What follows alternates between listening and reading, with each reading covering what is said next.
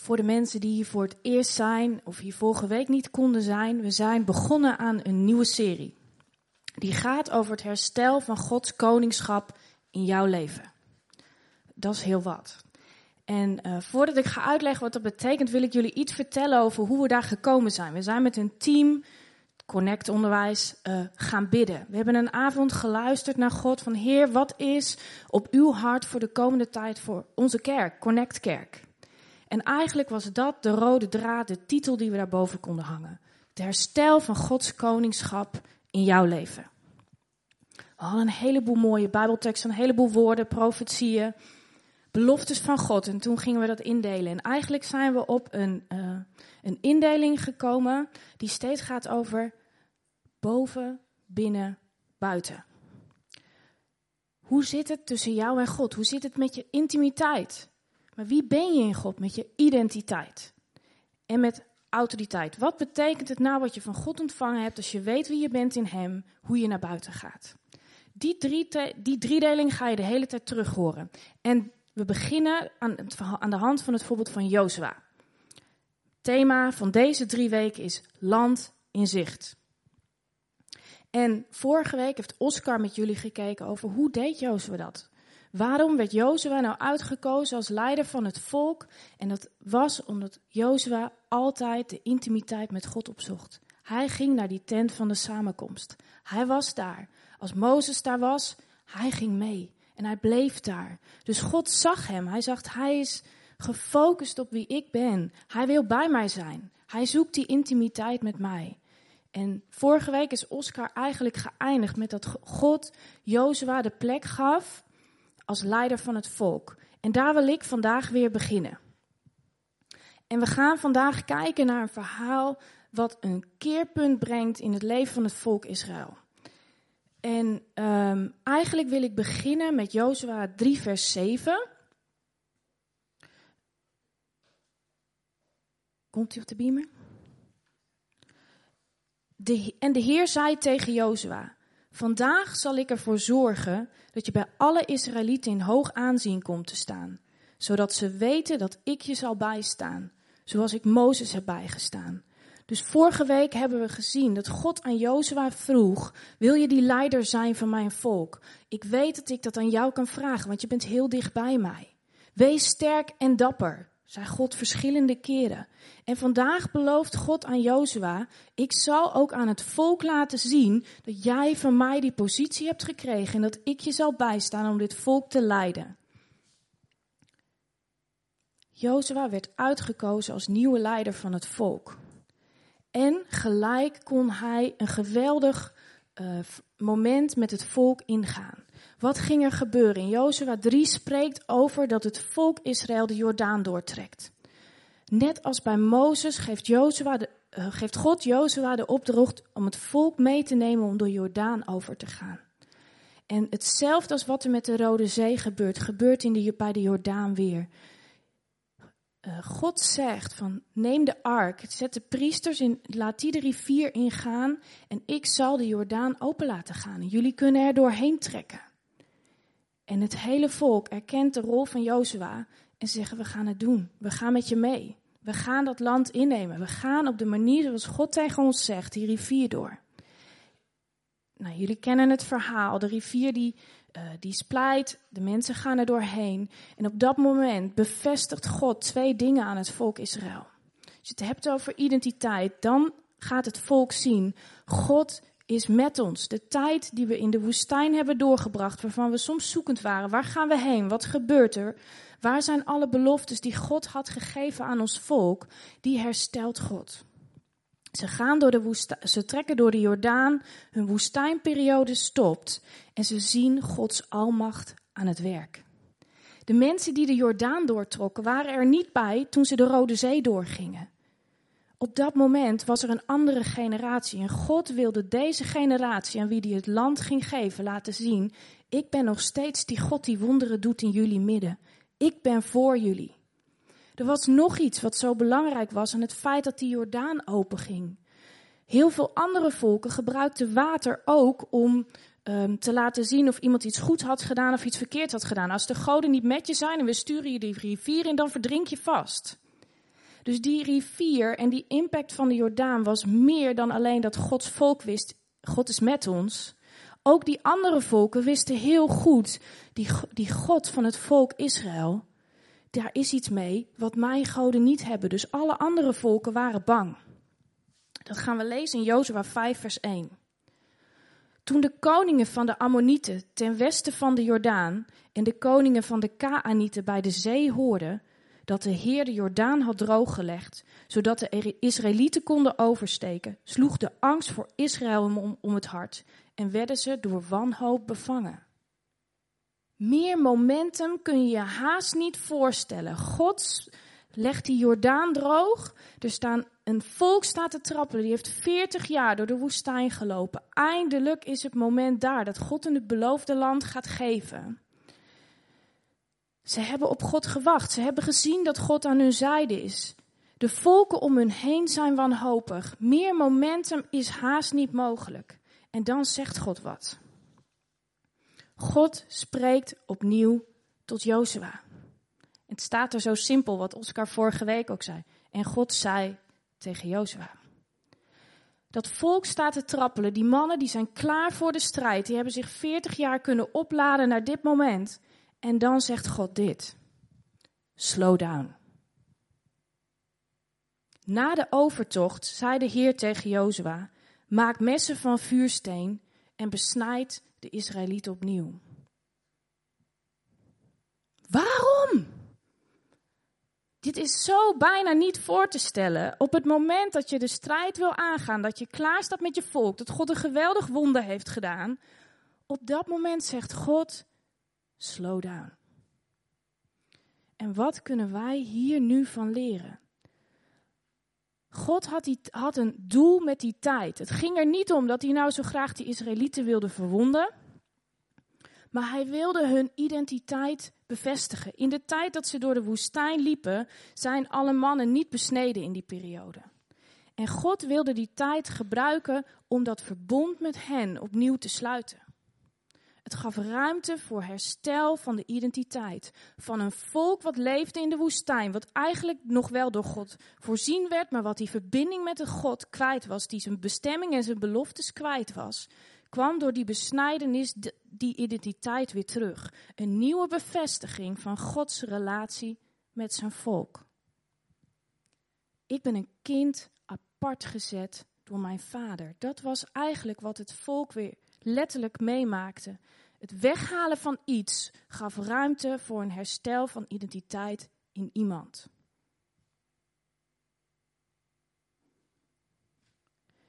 Er zijn mensen die zeggen dat, dat beeld van besnijdenis is ook een beeld van het profetische symbool van de dood en de opstanding van Jezus. En dat is hoe wij er naar kunnen kijken. Door Jezus kunnen we allemaal zonen en dochters van de Vader zijn. We kunnen allemaal zeggen: Ik ben een kind apart gezet voor mijn Vader. En hoe kunnen wij daar nu naar kijken? We hoeven ons niet allemaal te laten besnijden. Die tijd is geweest. Maar Jezus heeft, of er is wel een nieuw symbool en dat is de doop. Waarin we letterlijk kunnen laten zien dat we onderdeel willen zijn van die dood en die opstanding van Jezus. Monique heeft er net iets over gedeeld, wat het betekende in haar leven. Maar ik wil ook graag nog Romeinen 6, vers 3 en 5 lezen, waar het ook letterlijk staat. Weet u niet dat wij die gedoopt zijn in Christus Jezus, zijn gedoopt in zijn dood? We zijn door de doop in zijn dood met hem begraven, om, zoals Christus door de macht van de Vader uit de dood is opgewekt, een nieuw leven te leiden. En we delen in zijn dood zoals we delen in zijn dood, zullen we ook delen in zijn opstanding. Weet je, misschien zit je hier en heb je het verhaal van Monique gehoord. En ben je nog niet gedoopt en hoor je dit verhaal. Het was voor, die besnijdenis was voor het volk Israël een, een verbond wat ze met God sloten, waardoor ze hun identiteit bevestigd werd. Ik ben een kind van mijn vader. Zo werkt het denk ik nu ook met doop. Je bent niet meer de mens van voor je bekering. Je ontvangt letterlijk door dat watergraf een nieuw leven. Je bent geen slaaf meer van de zonde. Het is een zichtbaar teken waaraan je laat zien: ik ben een kind apart gezet voor mijn vader.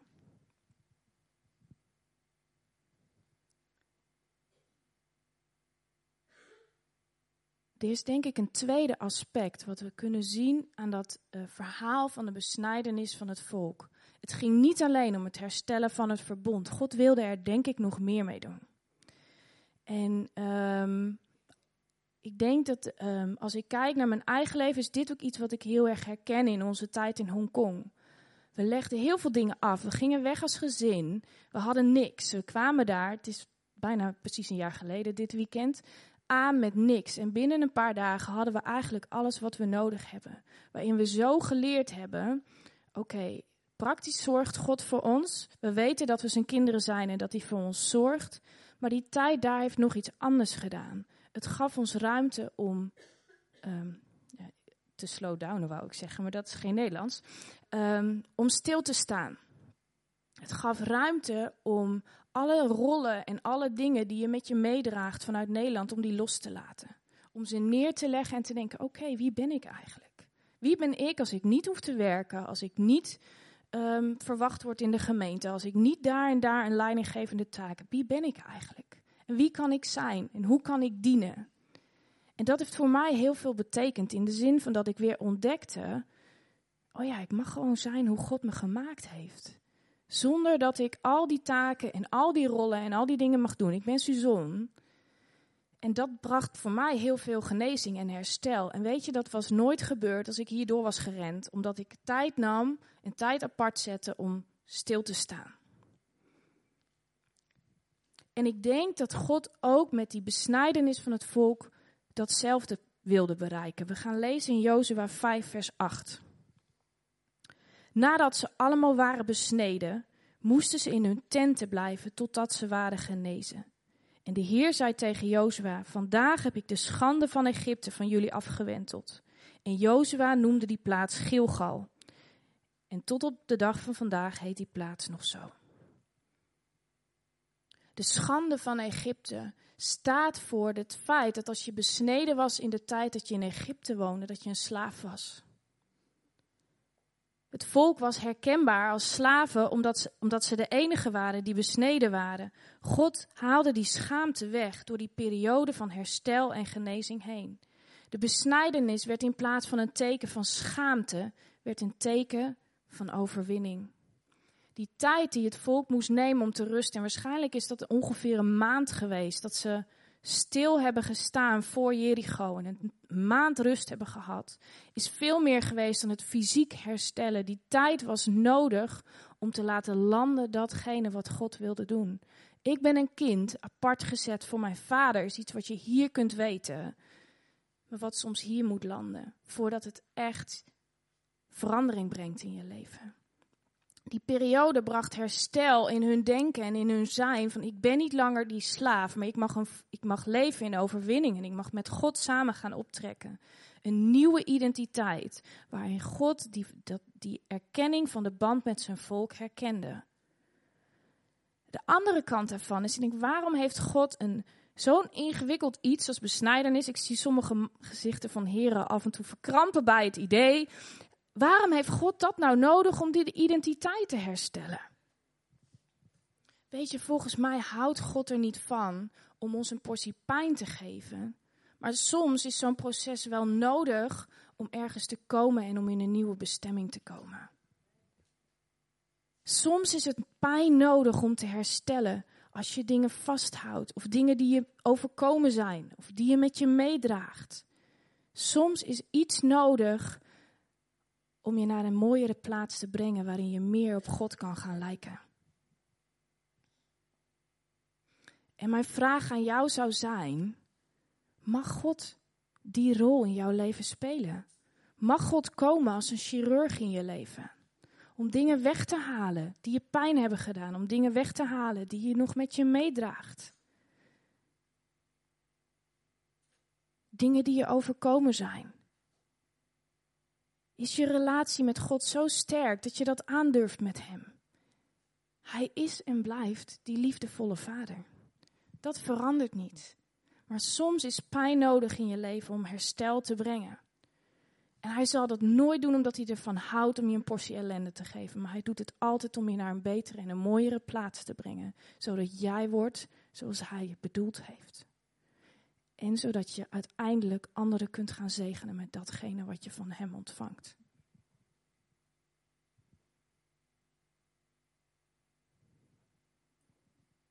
Mag God komen als een chirurg in je leven?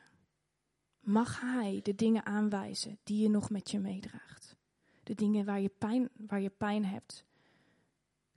Soms is ruimte nodig of is tijd nodig om dit proces door te gaan. Maar het zal niet gebeuren als je doorrent en doorrusht. Slow down. Soms is die tijd nodig om herstel te brengen, zodat jij nog beter weet wie je bent in Hem.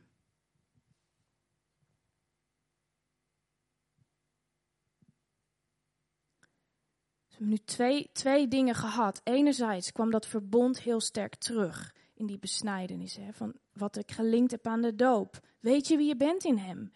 Weet je dat je dat, dat, je dat kind van de vader bent? En heb je, een, heb je een moment gehad in je leven dat je dat hebt verankerd? En de andere kant is, soms is er iets nodig in je leven om herstel te brengen. Mag God die plek innemen? Er is nog één punt wat ik eigenlijk naar voren wil brengen. En dat is Jozua zelf. Weet je wie er niet besneden hoefde te worden? Jozua. Hij was in Egypte al besteden. Stel je voor, hij komt voor die troepen. Hij zal vast twintig keer aan God gevraagd: Heb ik dit echt goed gehoord? Zegt u echt besnijden? Zegt u echt besnijden? Ik heb daar meer dan 40.000 mannen klaarstaan voor de strijd. En ik moet hun gaan vertellen dat ik ze moet besnijden. En dat heeft hij gedaan. Maar hij hoefde niet. Hij en Caleb waren de enige twee die nog over waren van de generatie die al besneden waren in Egypte. Dus terwijl dat hele kamp daar lag te herstellen van hun besnijdenis, had Jozua alle tijd om na te denken over een strategie voor Jericho. En hij rende rond en het enige wat hij niet deed, was rust, rust, nemen. Hij was bezig met de strijd die hij moest gaan voeren. Hij wist dat hij de leider van dit volk was en dat God hem een positie had gegeven. En vervolgens ging hij kijken hoe kom ik, hoe verover ik Jericho. Maar ook Jozua kreeg zijn moment van besnijdenis. We gaan lezen in Jozua 5, vers 13. Toen Jozua eens in de omgeving van Jericho liep, zag hij plotseling een man tegenover zich met een getrokken zwaard in zijn hand. Jozua ging op hem af en vroeg: Hoor je bij ons of bij de vijand? De man antwoordde: Geen van beiden. Ik ben de aanvoerder van het leger van de Heer en daarom ben ik hier. Jozua viel op zijn knieën, boog voorover en vroeg hem: Mijn Heer, wat beveelt u mij? De aanvoerder van het leger van de Heer zei tegen Jozua: Trek je sandalen uit, want de plaats waarop je staat is heilig. En Jozua deed wat hem bevolen werd.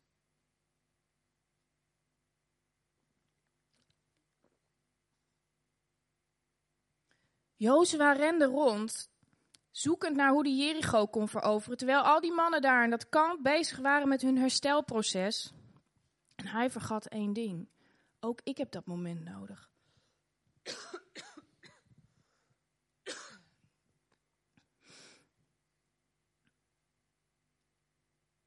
Hij zegt daar tegen iemand die die tegenkomt met de zwaard: Ben je voor me of ben je tegen me? Er zijn heel veel mensen die zeggen dat die man die daar stond Jezus is geweest, waarschijnlijk. Kun je nagaan dat je eerst bedenkt, ik zal eens even vragen wat die knakker daar komt doen. En dat vervolgens iemand tegen je zegt, maar ik ben de aanvoerder van het leger van de Heer. Hoe zal hij zich op dat moment gevoeld hebben? Weet je wat ik zo mooi vind? Dat hij wel direct die switch maakt. oh ja, Heer, wat beveelt u mij? En um, daaronder staat nog van hij trekt zijn sandalen uit, want de plaats waarop je staat is heilig. Weet je, en dat ging er niet omdat zijn voeten vies waren of zijn sandalen niet oké waren. Dat staat eigenlijk voor het teken van intimiteit wat er in het paradijs nog was. Dus God zegt niet, oh Jozua, wat maak je er nu alweer een potje van? Ik heb je net die rol gegeven. Aan welke kant sta je eigenlijk? Sta je aan mijn kant? Wil je mijn strijd voeren? Maar kom bij me, kom weer in die intimiteit met mij. En volgens mij is dit ook een vorm van besnijdenis. Niet de, niet de fysieke, maar de besnijdenis van je hart. Ik had een zin in het Engels, ik kon hem niet vertalen, maar hij kwam bij mij heel erg binnen. Your busyness elevates your authority and downgrades God. Soms ben je zo druk wat Jozua aan het doen was. En hij was vooral bezig met, oh, ik ben hier de leider, ik heb de autoriteit. Ik zal daar wel eens even vragen aan diegene of die voor me is of bij me is. Maar hij was helemaal niet meer bezig met dat hij dat in opdracht van iemand deed. Als je zo druk bent, net als hij, dan kun je soms vergeten waarvoor je ook alweer bezig was. De enige vraag die je dan nog zet, heer, ik heb zo druk, ik moet vandaag spreken, ik moet dit doen, ik moet dat ik moet zus doen, ik moet zo, was mijn zoektocht deze week. Ik heb het zo druk, hoe bereid ik dit voor? Wilt u zegenen wat ik moet doen? Nee. Heer, wat wilt u dat ik doe voor u vandaag? Is een totaal andere vraag. En die vraag kun je alleen stellen als je de tijd neemt om bij God te zijn. Door die momenten heen kun je weer bij God komen. En stel je dat soort vragen. Letterlijk werd Jozua zijn trots afgebroken op dat moment. Het ging niet om hem. Het ging er niet om dat hij de leider van het volk was. Waar het God om ging toen hij hem uitkoos, was dat hij bereid was om in die tent van de samenkomst te zijn. Om de tijd te nemen om van God te horen wat de bedoeling was. Weten wie je bent in God Vraag dat je tijd met hem doorbrengt. Dat gaat om intimiteit, maar ik denk ook dat het heel erg gaat om identiteit. Neem je de tijd om te stoppen, om de dingen waar je mee bezig bent, waardoor je zelf soms een heel groot beeld krijgt van, oh ja, ik ben zo druk en ik doe het zo goed en ik doe dit en ik doe dat, net als Jozua. Dat je dan de tijd neemt om te stoppen en weer aan God te vragen, Heer, ik ben uw dienaar. Wat wilt u dat ik doen zal? Zullen we gaan staan?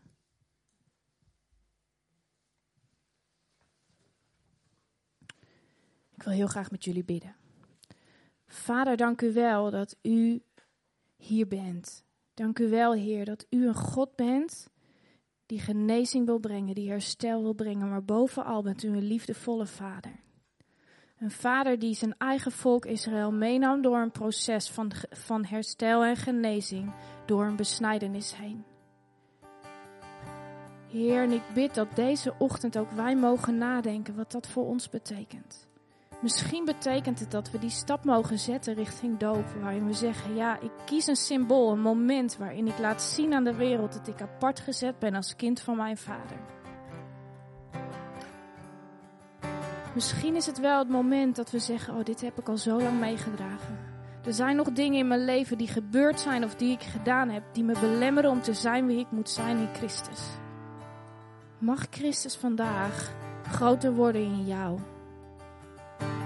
Mag er herstel en genezing komen op die plekken waar je God nog niet eerder hebt toegelaten? Misschien ben jij wel degene die je herkent in Jozua, degene die niet besneden hoefde te worden. Vader, ik bid dat u op dit moment komt ook voor voor die mensen met herstel en genezing. Als er geen big deals in je leven zijn, maar je zo druk kan zijn en vergeet om bij God te zijn. Ik bid dat u tot ons allemaal op dit moment spreekt, Heer. Welk stukje van deze boodschap voor ons is vanmorgen en dat we daarop mogen reageren. Want u bent een liefdevolle Vader.